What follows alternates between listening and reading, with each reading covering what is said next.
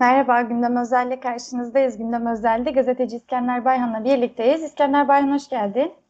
Hoş bulduk Zeliş. Herkese iyi ve sağlıklı bir hafta diliyorum. Teşekkür ederiz. Ee, Şimdi bugün biraz bu Kıbrıs'taki seçimleri değerlendirmeni isteyeceğim. Ee, birkaç, birkaç günün de aslında sıcak gündemlerinden birisi. Türkiye'de de yakından takip ediliyor elbette. O yüzden biraz e, neler oldu, sürpriz mi oldu biraz onları e, değerlendirmeni istiyorum. E, Kuzey Kıbrıs Türk Cumhuriyeti'nde Cumhurbaşkanlığı seçimleri yapıldı. İki e, ikinci tura kalmıştı e, seçimler. E, ve ikinci turda da iki birisi Ersin Tatar diğeri de Mustafa Akıncı. E, ve m, akşam sonuçlandı seçimler. Resmi olmayan sonuçlara göre e, hali hazırdaki Başbakan Ersin Tatar e, Cumhurbaşkanı oldu.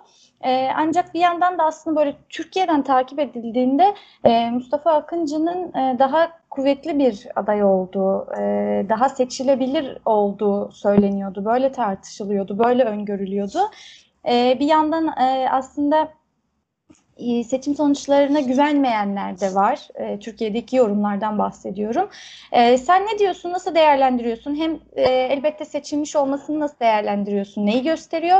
Hem de hakikaten şaibeli bir durum mu vardır sonuçlarda sence? Evet Zeliş sondan başlayacak olursak son sorudan e, yani seçim sonuçlarının tartışılır olması kaçınılmazdı bu seçim sonuçlarının. Ama bir seçimde teknik bir şaibe olup olmadığına dair yani oy sayımında, oy kullanmasında, sandıklarda bir şaibeli durum olup olmadığına ilişkin ya da e, Kıbrıs, e, Kuzey Kıbrıs Cumhuriyeti'nin Yüksek Seçim Kurulu'nun uygulamalarında bir e, herhangi bir şaibe olup olmadığı konusunda da e, başta Mustafa Akıncı olmak üzere e, muhalefet cephesinin yani Ersin Tatar ve Erdoğan hükümetine muhalif olan e, cephenin herhangi bir açıklamasına ben rastlamadım. Yani eğer ciddi bir e, bu açıdan şey olsaydı seçim sonuçlarını etki edecek yanlış hata eksiklik sanıyorum. Mustafa e, Akıncı da e, diğer muhalif adaylarda en başta Cumhuriyetçi Türk Partisi olmak üzere çünkü onlar da Mustafa Akıncı'yı desteklediler ve ilk turda üçüncü e, e, sırada adayları üçüncü sırada e, oy almıştı ve az bir oy almamıştı. Dolayısıyla onlardan da herhangi bir seçim yolsuzluğu şaibesi üzerine bir açıklamaya rastlamadım. E, onun için teknik olarak bir şey söylemek çok mümkün değil. Ama seçimler demokratik bir ortamda gerçekten e, Kuzey Kıbrıs halkının e, iradesinin özgürce sandığa yansıdığı bir ortamda gerçekleşti mi dersek ilk soruya gelirsek e, buna da e, evet öyle oldu deme şansımız yok. Çünkü daha birinci turun öncesinden başlayarak e, seçimlerin doğrudan başta da özel olarak görevlendirdiği Cumhurbaşkanı Yardımcısı e, Avcı, Oktay'ın e, doğrudan denetiminde, gözetiminde ve katılımında yürütüldüğünü biliyoruz. Seçim sonuçlarının sürpriz olarak değerlendirilmesinin ana nedeninin bence ilk tur sonuçlarındaki tablo olduğunu düşünüyorum. Yani Mustafa Akıncı ile Cumhuriyetçi Türk Partisi bunlar yakın adaylar her ikisi de ve Kıbrıs konusunda iki devletli federasyon e, bölgesel e, iki devletli federasyon çizgisinde olan adaydı her ikisi de ve e, anlam planını destekleyen adaylardı. Ee, Mustafa Akıncı da zaten Cumhuriyetçi Türk Partisi'nin eski üyesiydi. Oradan ayrılmıştı. Dolayısıyla her ikisinin oyu %51,5 civarındaydı ilk turda toplam oyları. Onun için Cumhuriyetçi Türk Partisi de Mustafa Akıncı'yı destekleyeceği demecini verince ikinci turda genel olarak beklenti Akıncı'nın kazanması yönündeydi. Ama e, tabii bu biraz da iyi niyetli görüldü ki iyi niyetli bir değerlendirme. Çünkü e, Kıbrıs Türkiye'ye doğrudan bağımlı bir ekonomisi başta olmak üzere bağımlı bir durumda. Askeri açıdan bile ciddi bir bağımlılığı var ve sanıyorum e, Erdoğan hükümeti tek adam yönetimi Kıbrıs seçim sonuçlarını belirleyen taraf olmak için e, elinden geleni yaptı.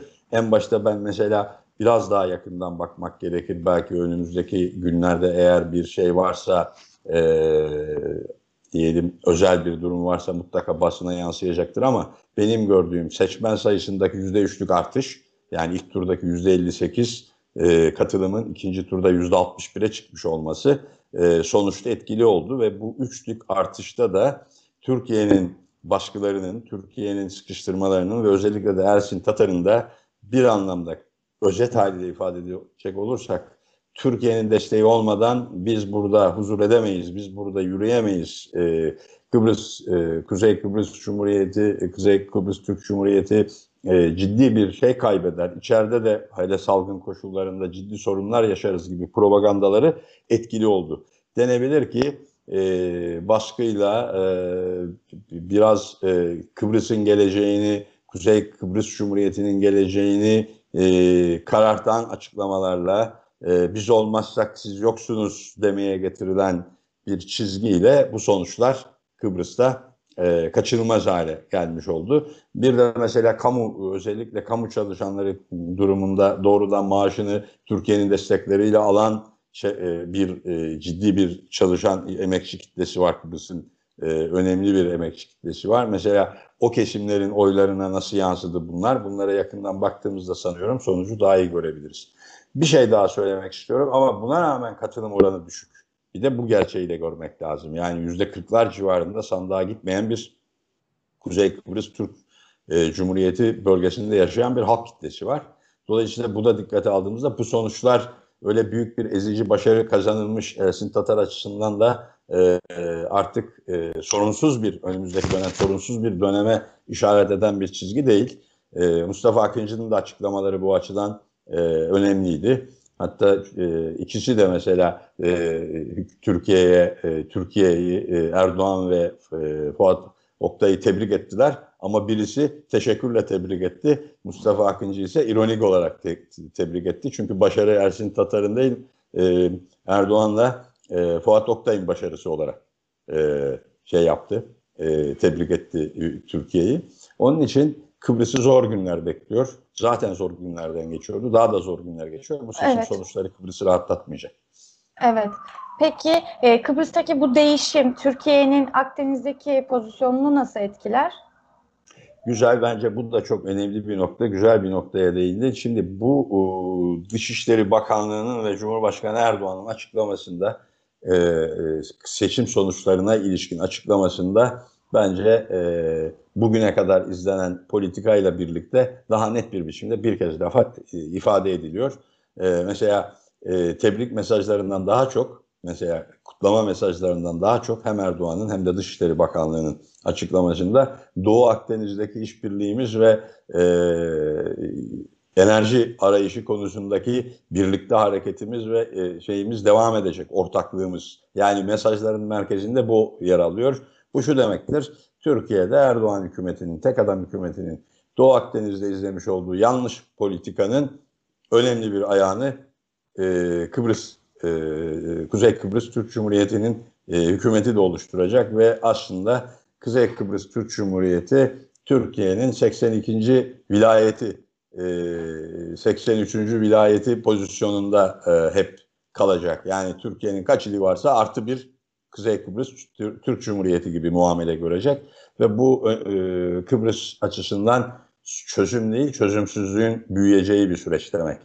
Bütün bir Doğu Akdeniz bölgesindeki paylaşım, yağma, e, pay kapma kavgaları ve gerilimlerinin doğrudan merkezinde olacak demektir bu.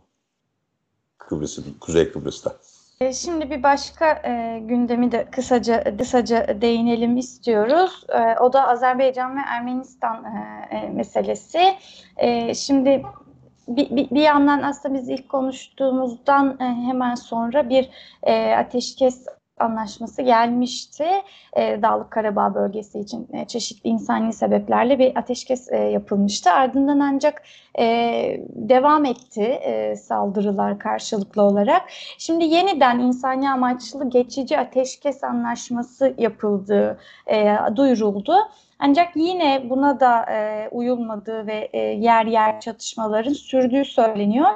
E, buraya dair önce bu, bunu ateşkesler e, neden e, yapılıyor ve e, sonrasında neden uyulmuyor?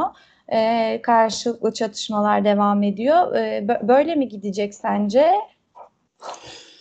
Şey, burada e, ateşkeslerin ilan edilmesinin en önemli e, etken, en önemli etkeni biliyorsun e, Azerbaycan ve Ermenistan e, hükümetlerinin hem Aliyev hem de Paşinyan hükümetinin aslında e, bu politikayı yani şu andaki çatışma politikasını e, sürdürebilme açısından e, öyle çok uzun soluklu e, bu politikayı sürdürebilme açısından uzun soluklu bir e, şey izleme şansları yok aslında. Onun için bir ateşkes ihtiyacı hep gündemde oluyor. E, bu yüzden de sürekli e, taraflar birbirlerini suçlayarak her iki hükümette birbirlerini suçlayarak başta Batı ve e, Minsk grubu olmak üzere e, aynı zamanda e, Rusya'dan bu sorunun çözümü açısından devreye girmesini talep ediyor ciddi anlamda da bu yanında bu girişimlerde bulunuyorlar. Ama yine her iki tarafta kendilerinin lehine bir e, müdahaleden söz ediyorlar. İlk ateşkes aslında 10 Ekim'de gelen ilk ateşkes, Moskova'daki ateşkes çok uzun bir tartışmadan e, sonra gündeme gelmişti ve bu Putin bunu başından beri bekliyordu. Yani her iki tarafında kendi ayağına gelmesini bekliyordu. Önce Paşinyan'ın gelmesini bekliyordu ve e, biraz öyle de oldu. Tıpkı Kırım meselesinde olduğu gibi, tıpkı Suriye meselesinde olduğu gibi Putin'in bu tip e, durumlarda gel e, patron bizi kurtar gibi bir yaklaşım sergilendiği anda devreye giren bir e, tutumu var. Böyle bir şey bekliyordu. Biraz Paşinyan'ın da burnunun sürtülmesini istiyordu. Azerbaycan ise e, eğer kimse karışmazsa biz Ermenistan'la işimizi hallederiz gibi bir yaklaşım sergiliyor ama böyle bir gücü de var belki ama öbür e, taraftan da e, bir e, çatışma ve e, e, özellikle çatışma alanlarının genişlemesi açısından askeri saldırılar, operasyonlar büyüdükçe bu Azerbaycan içeride de Azerbaycan'ı rahatsız eden bir tutumda sergileme yol açıyordu. Onun için ikinci kez gündeme geldi. Bence burada şöyle bir karmaşa da var.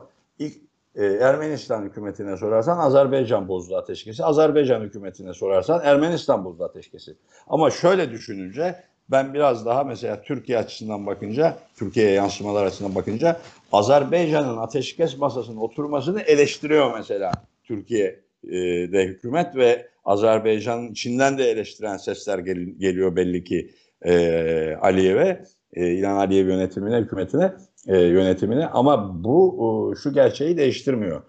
Bir kere kesinlikle bir ateşkes ilan edilmek durumunda. Kesinlikle bir ateşkes olmak zorunda. Çünkü Ermenistan ve Azerbaycan arasındaki e, problemin e, askeri yöntemlerle, çatışmayla ve savaşı da tırmandırarak yani bir bölgesel e, ölçekten çıkarıp bütün bir Azerbaycan-Ermenistan e, savaşı haline dönüştürerek ilerletmenin ne Azerbaycan halkına ne Ermenistan halkına hiç faydası yok. Onun için e, ateşkeste bence iki tarafın da ateşkesin arkasında durması gerekiyor. Ama durmasını istemeyen kesimler de var ve e, bu ateşkesler de e, Rusya açısından da Minsk grubu açısından da sanki biraz e, şey ateşkesler ne diyelim e, bozulacağı bilinerek imzalanmış ateşkesler. Çünkü ateşkeslerde şey yok yani sonrasına dair ne olacak bu ateşkes nasıl devam edecek diye bir hüküm yok. Sadece iki tarafta silahları susturacak deniyor. E, böyle olunca da tabii ateşkes aslında masadan kalktıktan sonra birkaç saat sonra bozulacak bir ateşkes oluyor daha başındayken. Evet. Ee, bir an Erdoğan da yaptığı açıklamada Minsk grubunu eleştirdi. Ee, Erdoğan neyi amaçlıyor sence? Valla Erdoğan bence birçok çok şey var ama 2-3 noktadan e, yaklaşıyor diye düşünüyorum Zeliş. Bu birincisi e, bilinen bir nokta. Azerbaycan'da e, Azerbaycan'ın bölgede Türkiye'nin e, işte bu yeni Osmanlıcı e, dış politika ve yeni Osmanlıcı bakış açısının bir parçası olarak Türkiye'nin e, en büyük dayanaklarından biri olsun istiyor. Ve her zaman Azerbaycan'ın yanındayım derken aslında Türkiye bölgede Azerbaycan'ı arkasına almış bir güç olarak bölgedeki çatışma ve gerilimlere e, dahil olan bir ülke pozisyonunda Azerbaycan'ı e, kendi yedeğinde tutmaya çalışıyor. Başından beri e, ekonomik açıdan da, siyasi açıdan da, askeri açıdan da yaklaşımı bu. İkincisi ateşkesi istemiyor. Yani gerçekten Minsk grubu haklı doğru söylüyor. Minsk grubu bu sorunun çözümüne yaklaşmıyor. Rusya da yaklaşmıyor ama kendisinin de çözümü çözüm değil yani. Kendisinin çözümü de e, değil mi? E, bir millet iki devlet. Yani şimdi bu, bu, bu çözüm değil ki yani. Türkiye-Azerbaycan e, ilişkileri açısından da Dağlık Karabağ ve e, Azer, e, Ermenistan'ın e, işgal altında tuttuğu Azerbaycan kentleri açısından da. Yani böyle bir yaklaşım çözüm getirmez. Ama bunu bu daha çok Türkiye'nin çizgisini beyan ediyor yani. E, iki devlet, bir millet derken e, Erdoğan burada e, Ermenistan'ın yenilmesini, Ermenistan'ın Azerbaycan tarafından ezilmesini isteyen bir çizgide duruyor.